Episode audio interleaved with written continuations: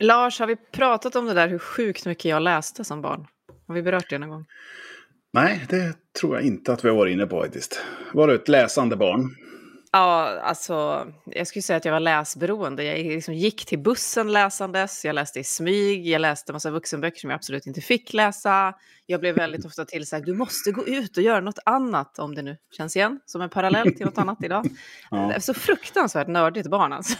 Jag förstår inte riktigt hur jag kunde växa upp och bli så här kul. Eh, men jag vet inte riktigt hur det blev så här. Jag liksom fick ju förutsättningar hemifrån såklart, men, men inte mm. så. Inte någon slags så här, läs mer.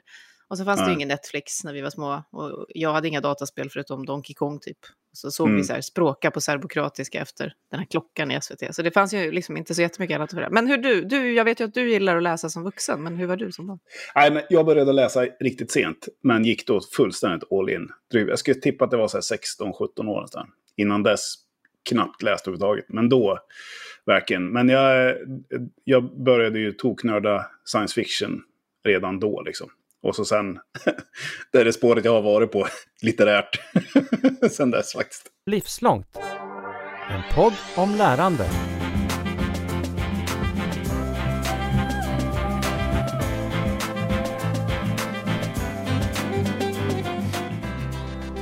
Vi ska förstås då som alla anar prata lite läsning, ganska mycket faktiskt, idag med dig Gustav Ökvist Sejmyr från företaget Lexplore. Välkommen till Lars Lingman och mig, Katarina Pietschak, här i Livslångt. Tack så jättemycket. Superkul att vara här. Du, hur mycket läste du som barn? Jag hade lite svårt när jag började läsa, men jag hade en pappa som läste mycket för mig och min brorsa. Så det var väl själva ingången till liksom litteraturen och läsandet. Eh, men eh, jag tyckte inte det var jättekul att läsa själv i början, men sen någonstans så trillade polletten ner och då, då var det skoj. Och det säger man väl att det är viktigt att läsa för barn om man vill att de ska bli läsande och så. Och nu då? Vad betyder läsning för dig idag, Gustav?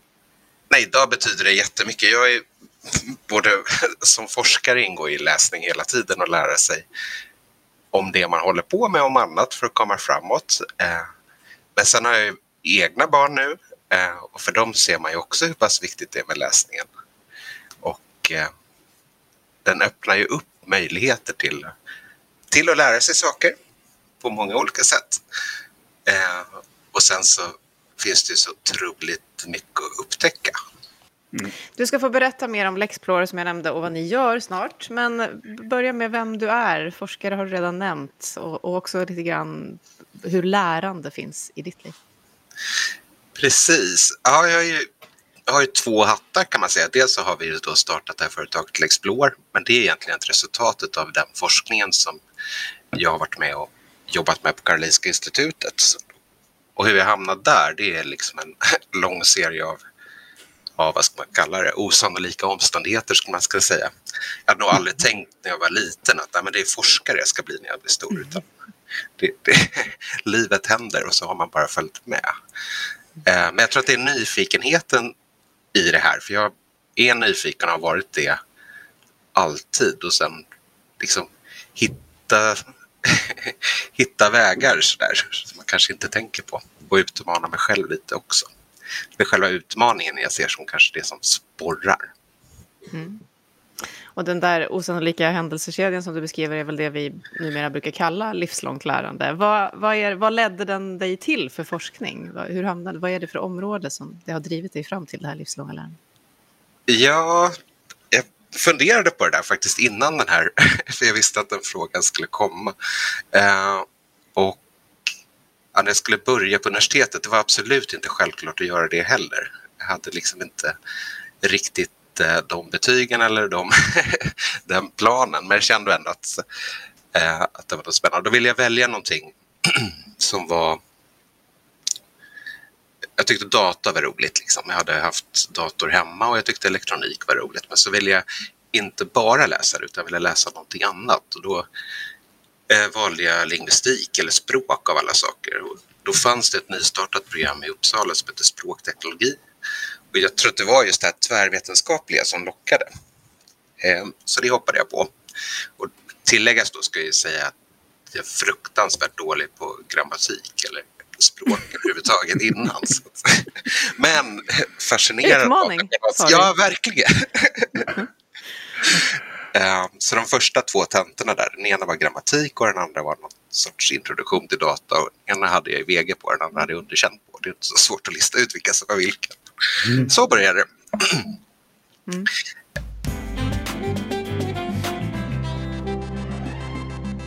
Och så blev du då forskare i ögonrörelsemätning och läsning. Ja. Vad, vad innebär det och hur hör de här ihop? Precis, återigen sådana osannolika omständigheter. Men det var så att eh, jag var intresserad av det här gränssnittet mellan människa och maskin och där, ja, språk finns ju där också såklart. Eh, och då började jag göra ett exjobb på Ericsson Research och på deras mobiltelefoner på den tiden för att se om man kunde på något sätt presentera text så att den blev lättare att läsa.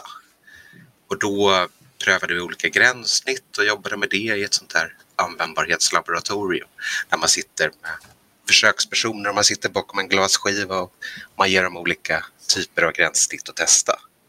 Så satt jag där och funderade men kom liksom inte riktigt nära in på vad som faktiskt hände under läsningen. Så då började jag fundera kring det att man skulle inte kunna mäta eller titta på ögonen eller på något sätt mäta läsningen. Och då började den här intresset för att titta på hur ögonen rör sig under läsning. Ganska, inte så stort område då, men samtidigt eh, tekniken var ganska knepig också.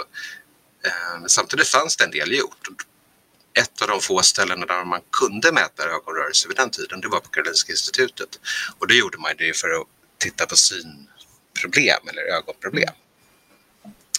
Eh, så att min doktorsavhandling sen kommer att handla om liksom att använda, mäta ögonrörelser för att titta på läsning för att utvärdera olika saker.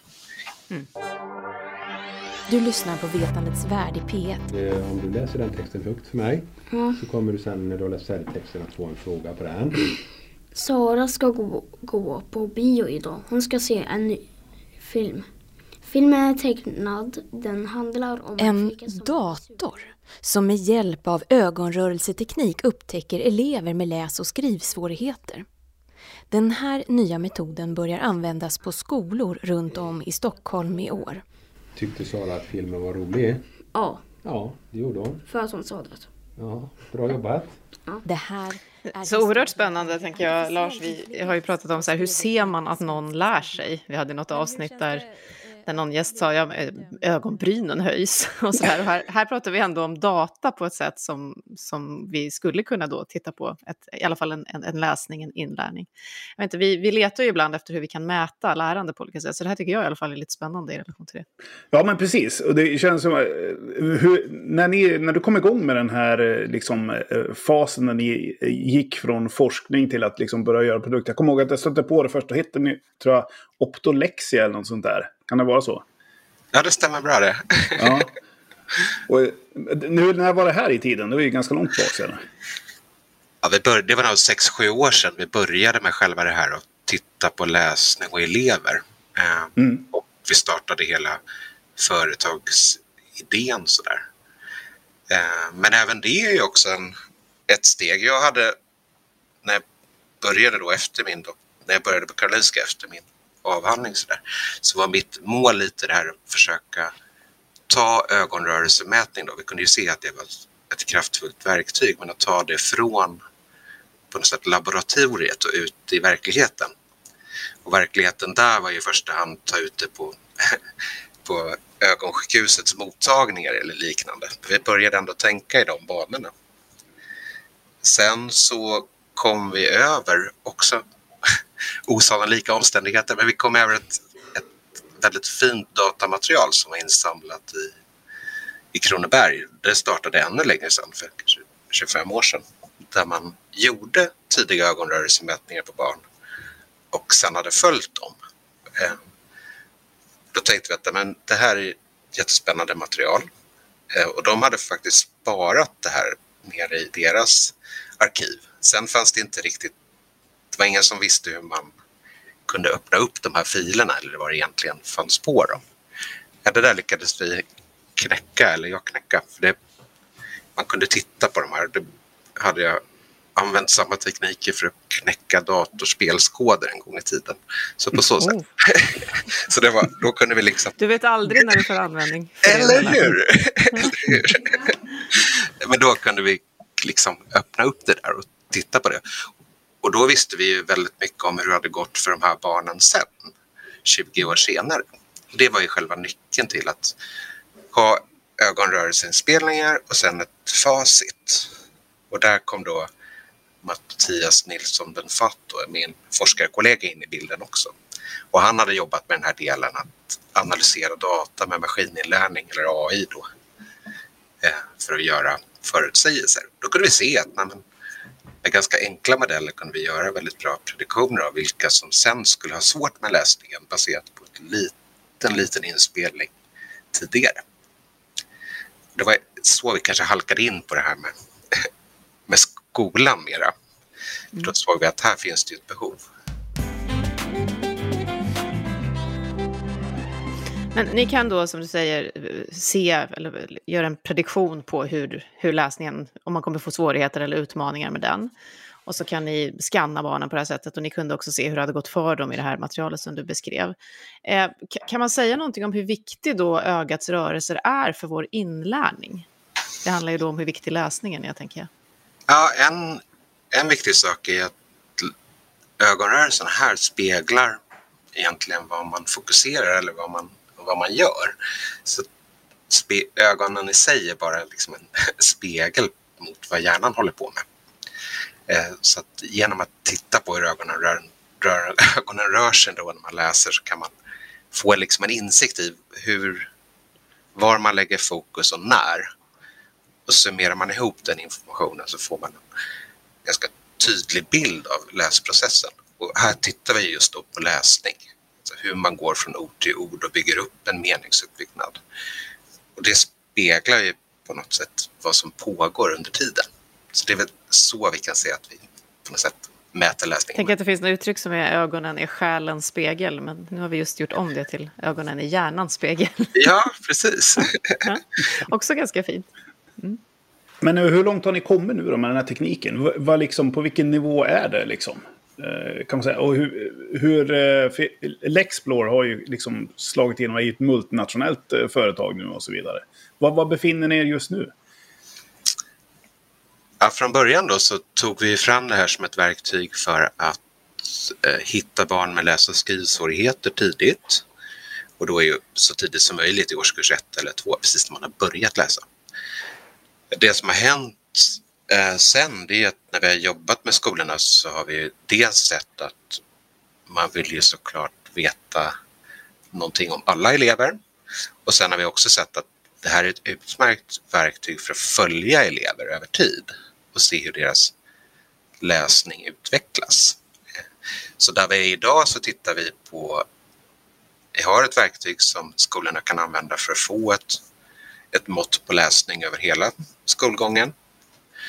Och lika viktigt är hur den här informationen används och hur den kan presenteras. Så i grund och botten har vi ett bra verktyg för att mäta läsutveckling. Men sen handlar det också om att presentera den informationen på olika nivåer och eh, börja se på rekommendationer vad man kan göra. Ja, vad tänker du? På, på vilket sätt är det ni gör ett bidrag till, till helheten när man tittar på hela stora grupper av barn och inte bara då enskilda elever som man fångar upp för stöd? Ja, framförallt så handlar det ju om en, någon form av jämlikhet. Våra test är ju till skillnad från många andra objektivt är det att vi gör bedömningen precis likadant oavsett vem som har gjort testet eller när. Och eh, på så sätt får man en, ett mått som går att jämföra och aggregerar man upp det här så kan man se var någonstans behoven finns för att göra saker bättre. Man kan ju också lära sig från dem, kanske klasser eller skolor som helt plötsligt visar på en positiv utveckling. Vad, är det som de gör bra? Finns det möjlighet att, att liksom träna sin läsning med den här tekniken på något vis? Genom att läsa, skulle jag säga. det är på sätt och vis en fördel. Vårt test mäter ju läsning med att man läser. Man gör faktiskt det som, som testet ska mäta. Mäter inte andra saker som kanske skulle kunna korrelera med det, utan vi tittar och mäter på det som faktiskt räknas. Mm. Eh, men det är, det är ju ett mätverktyg. Sen måste man ju då göra saker mellan de här mättillfällena för att det ska hända någonting. Mm. Att skrina elever för läs och skrivsvårigheter är alltså inte nytt. Pia Höglund Hult är speciallärare på grundskolan Vittra Södermalm och berättar om hur ett sådant manuellt test går till. de får läsa visst antal ord på en minut och så utgår man därifrån hur långt, hur snabbt läser de helt enkelt. Vad skulle du säga när du har suttit med idag? Vad är den stora skillnaden på att testa digitalt mot manuellt? Eh, att det går fortare. Eh, jag kan följa med i processen. Jag har suttit med bakom datorn och sett eh, de här eh, ögonrörelserna i programmet. Att man verkligen kan se hur eleven läser. Det blir på ett annat sätt när man sitter bredvid. Då läser man mer med eleven och sen ska jag göra tolkningen. Eh, också att allting sam samlas digitalt annars får jag sitta och göra alla staplar och eh, dra slutsatser själv. Ja, så det är den stora skillnaden. Mm.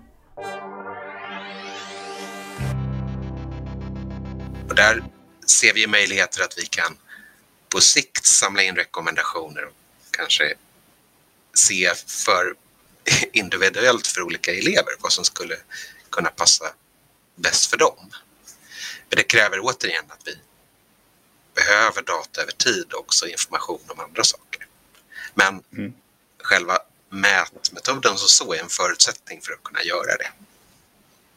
Och du sa att eh, det handlar sen om vad man gör med det här förstås. Jag vet att ni har fina exempel på vad som kan hända i en hel kommun när ni kan visa data på det här. Är det någonting du kan berätta om? Ja, vi har ju några kommuner som har kört det här lite längre tid nu och Lidingö kommun är en av dem. Och en av de sakerna de har använt det till, det är för att lyfta upp läsning på agendan. Det är inte bara det är inte bara resultaten från Lexplore som bidrar till det, utan det är deras vilja att synliggöra läsning. Men där har man kunnat se dels att till exempel resultaten har gått upp, där, men, men också att andra effekter som till exempel utlåning på skolbiblioteken har ökat. Vilket är mm. positivt. Men de har just använt det här på det sättet att de till exempel har tittat på klasser som har haft en positiv utveckling och frågat och lärarna vad de gör där. I ett fall så var det att den läraren baserade läsningen mycket på att eleverna fick läsa för varandra. Det är i så fall någonting man kan använda i andra klasser. Mm. De har lyckats skapa en läskultur på, på större, i större skala så att säga.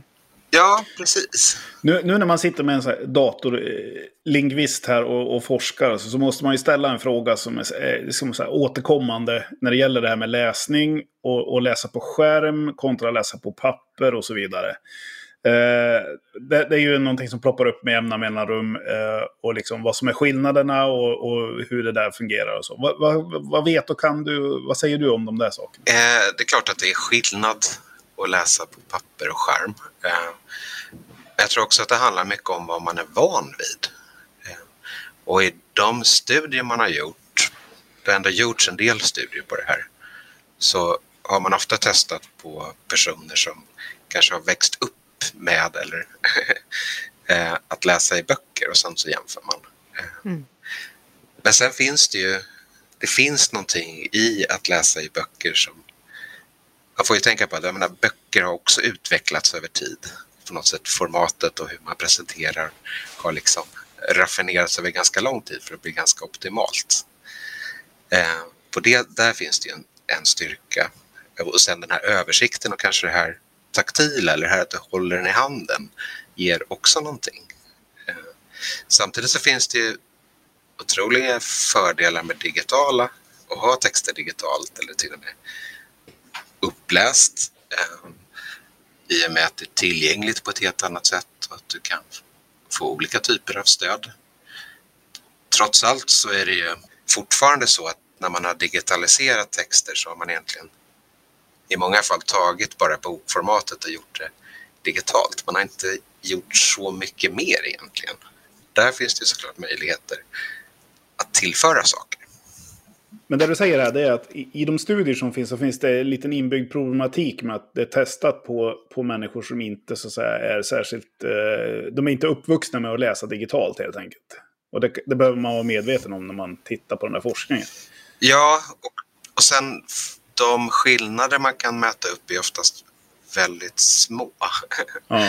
eh, visst, man har sett att särskilt för viss typ av förståelse, eh, det man kallar episodisk, och det är väl hur saker och ting hänger ihop, i vilken följd det kommer. Där har man nytta av att läsa i böcker, men det kan hänga ihop då med att man får på något sätt en, kallar en geografisk idé om var sakerna är, så de finns fysiskt. Mm. Genom det taktila med att hålla i boken och bläddra sidor och så. Mm. Eh, sen finns det en annan fördel med att läsa på böcker. Men det handlar egentligen inte så mycket om formatet. Det, det handlar mer om tekniken. Och det är så att skärmar är ju bakgrundsupplysta. Eh, och just att läsa då med på det sättet. Alltså det är inte riktigt så som det fungerar annars. Utan då eh, när reflekterat ljus och direkt ljus fungerar lite annorlunda. Det fungerar annorlunda för ögat. Och det här blir egentligen som att sitta och titta in i en lampa hela tiden. Men blir vi tröttare av det då? Eller blir påverkar det? Ja, det blir vi. Och det påverkar synen. Och det finns också forskning som visar på att man kan få olika typer av, av synproblem på grund av det. Eh, men där gäller det då så länge skärmarna fungerar som de gör nu då, att ta pauser. Men på sikt hoppas jag att det kommer komma skärmar som jobbar mer med reflektiv teknik precis på samma sätt. Så det är snarare så att skärmen reflekterar ljus än utstrålar ljus.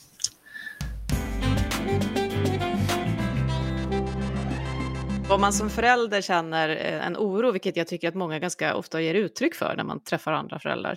Mitt barn läser inte böcker, han mm. eller hon borde läsa böcker. Är det då en oro som är befogad? Eller när vi pratar om lärande? Eller är det liksom så att det är just att vi som är uppväxta med böcker tänker att det där vore bättre? Nej, men jag tror nog, här är tro, nej, men jag tror nog ändå att den oron är befogad. Eh, det är inte så att man kan ta bort böcker bara eh, och ersätta dem med, med spel eller Youtube eller annat. Utan eh, att läsa är, en, är, är, bra i sig och det är en förutsättning för att kunna ta till sig mycket information senare, inte bara i skolan.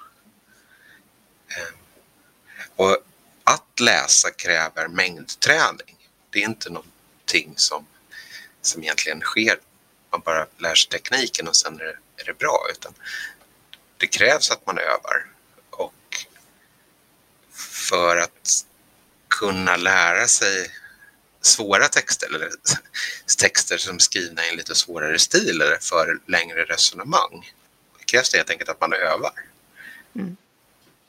Och det tänker jag, eller tycker jag då som förälder att jag ser att skolan verkligen försöker jobba med. Något barn har haft något läsprojekt där de lägger alla böcker i en, i en eh, fiktiv lång rad och nu har de kommit till Tanzania.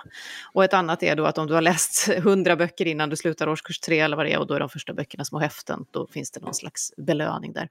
Jag tänkte höra Lars, du som har jobbat i skolans värld mycket mer än vad jag har, det här med att, att eh, skapa jämlikhet genom så objektiva sätt att titta på en sån sak som läsning, alltså data i skolan, vad, vad ser du för möjligheter eh, med det? Ja, men det är ju det är superintressant. Och just det är därför också som Lexplore är lite av en liksom, framgångssaga inom det som är, vi brukar kalla för edtech, då, educational technology, riktat mot skolan. Och den har ju förhållandevis stor spridning eh, i sin användning i Sverige, men även i andra länder. Eh, och det är just för att den ger det här datorstödda underlaget för insatser. Eh, och den, det har ju visat på eh, liksom att den kan ju upptäcka Eh, lä lässvårigheter hos unga tidigare än vad, vad lärare och specialpedagoger kunde göra. Vilket gör att vi kan ju möta upp mycket tidigare. Och, och liksom stötta eh, barnen och eleverna liksom att komma rätt på ett mycket bättre sätt mycket tidigare. Det är ju en väldig kraft i sådana här applikationer. Det är mm. supertydligt. Och Gustav, eh, ganska ofta får man om man jobbar med lärande frågan, hur är det här med AI? Hur stor möjlighet är det för lärande egentligen? Och här har ju ni en, en eh, ett mått av det. Hur, hur, stor är den delen för lärandet? Frågar jag då dig. Ja, våran, inte för att förminska, men våran AI främst för själva eh, mätmetoden. Och där är den ju otroligt värdefullt. Det vi använder den till, det är ju egentligen att kunna dra slutsatser från mycket data insamlad på kort tid. Eh, in väldigt mycket parametrar med hjälp av den här ögonrörelsemätningen. Eh, men på sikt tror jag att den kan hjälpa till just med det här jag pratade om tidigare med riktade rekommendationer och liknande. För även där skulle man kunna samla in mycket data från vad man gör eller vilka verktyg man använder och sen låta de här maskininlärnings eller AI-modellerna bearbeta den för att hitta de här mönstren då som man kan passa in individuellt. Mm. Och där... Hur tror du skolan bäst kan använda sådana möjligheter i förlängningen, alltså i, på, på fler sätt? Jag tror att man kan få rekommendationer på vad man skulle kunna göra. Jag tror absolut inte det kommer vara som ett, någonting som säger att just det här ska du använda. Snarare kan han ge rekommendationer på olika saker som skulle kunna användas. Eh, och sen som lärare så kan man få bättre stöd ja, genom att ha vad de rekommenderar. Men en bra lärare är långt mycket bättre än en AI fortfarande, skulle jag säga. Eh, däremot så kan den hjälpa till med att kanske ge nya infallsvinklar eh, som en lärare kan bedöma om den vill använda eller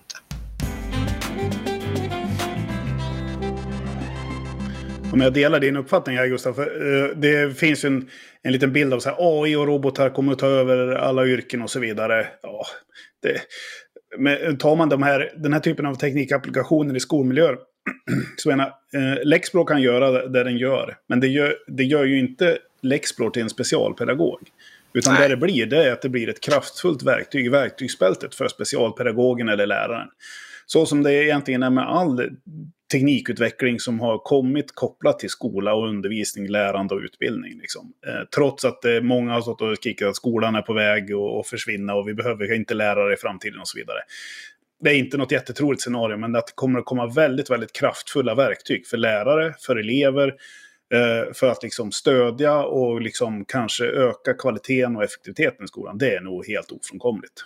Jag, jag ser det också framförallt som verktyg som man använder. Inte som någon expert som talar om hur man ska göra. Um, och, men alla verktyg är ju också, man måste ju lära sig att använda dem också. Uh, det blir ju inte bara en. uh, det är ingen quick fix mm. med det här heller.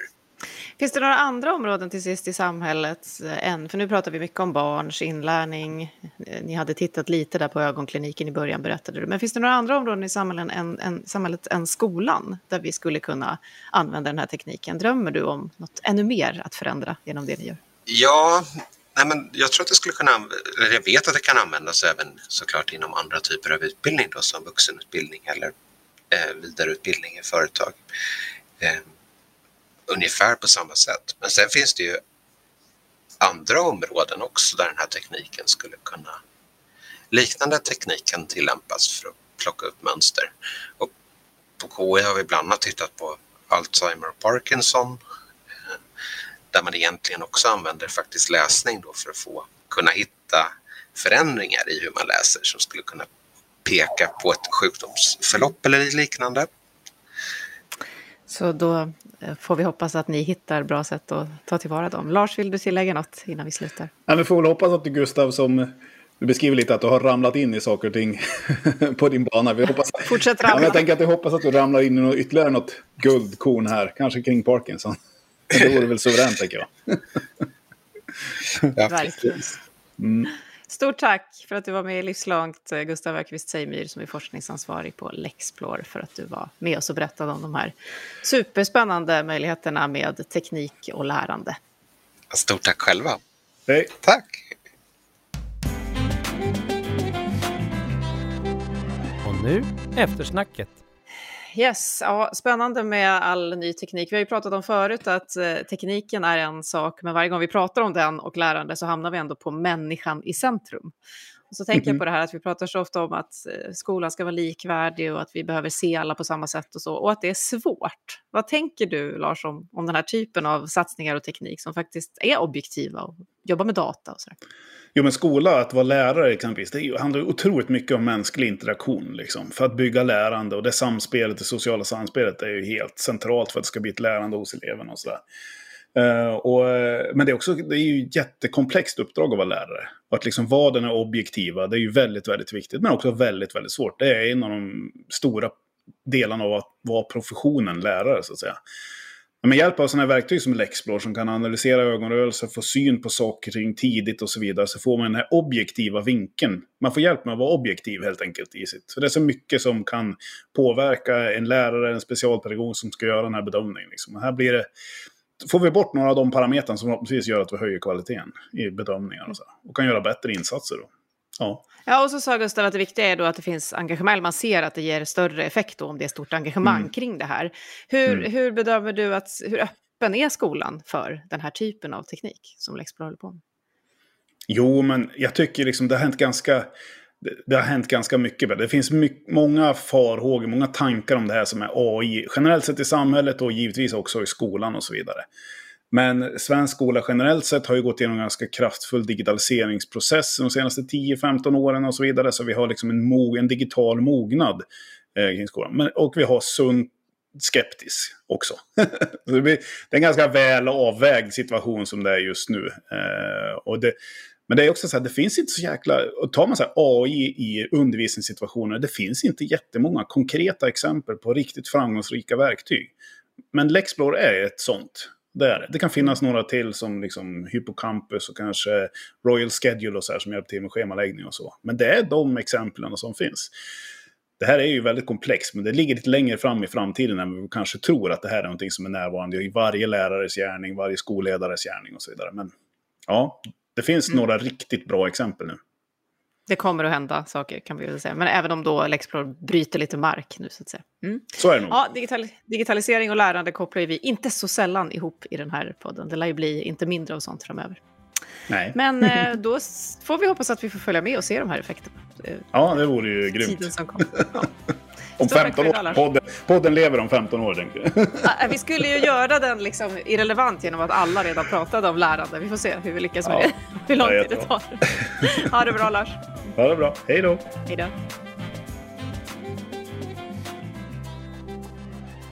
Du har just hört Livslångt, en podd från RISE om allt det där man lär sig i livet. Vi hörs om en vecka igen.